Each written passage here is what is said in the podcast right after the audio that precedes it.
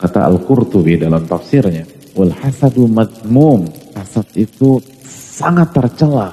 Wasahibuhu magmum dan penderitanya itu tragis. Wa huwa yakul hasanat kama ta'kulun narul hatab. Dan hasad itu akan memakan kebaikan dan pahala kita sebagaimana api akan menghabisi kayu bakar. Wa dan dikatakan kata Imam Qurtubi, al-hasadu awwalu dzambin usyallahu bihi fis sama. Hasad adalah dosa pertama kepada Allah Subhanahu wa taala di langit.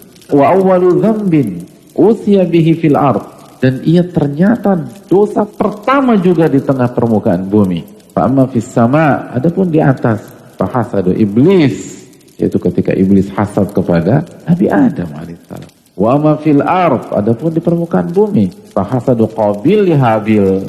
Hasadnya qabil terhadap habil, saudaranya sendiri. Jadi makanya nggak heran Allah mengatakan ini induknya dosa. Betapa banyak gibah itu lahir dari hasad. Betapa banyak fitnah lahir dari hasad. Nyinyiran lahir dari hasad bully lahir dari hasad. Pembunuhan karakter lahir dari hasad.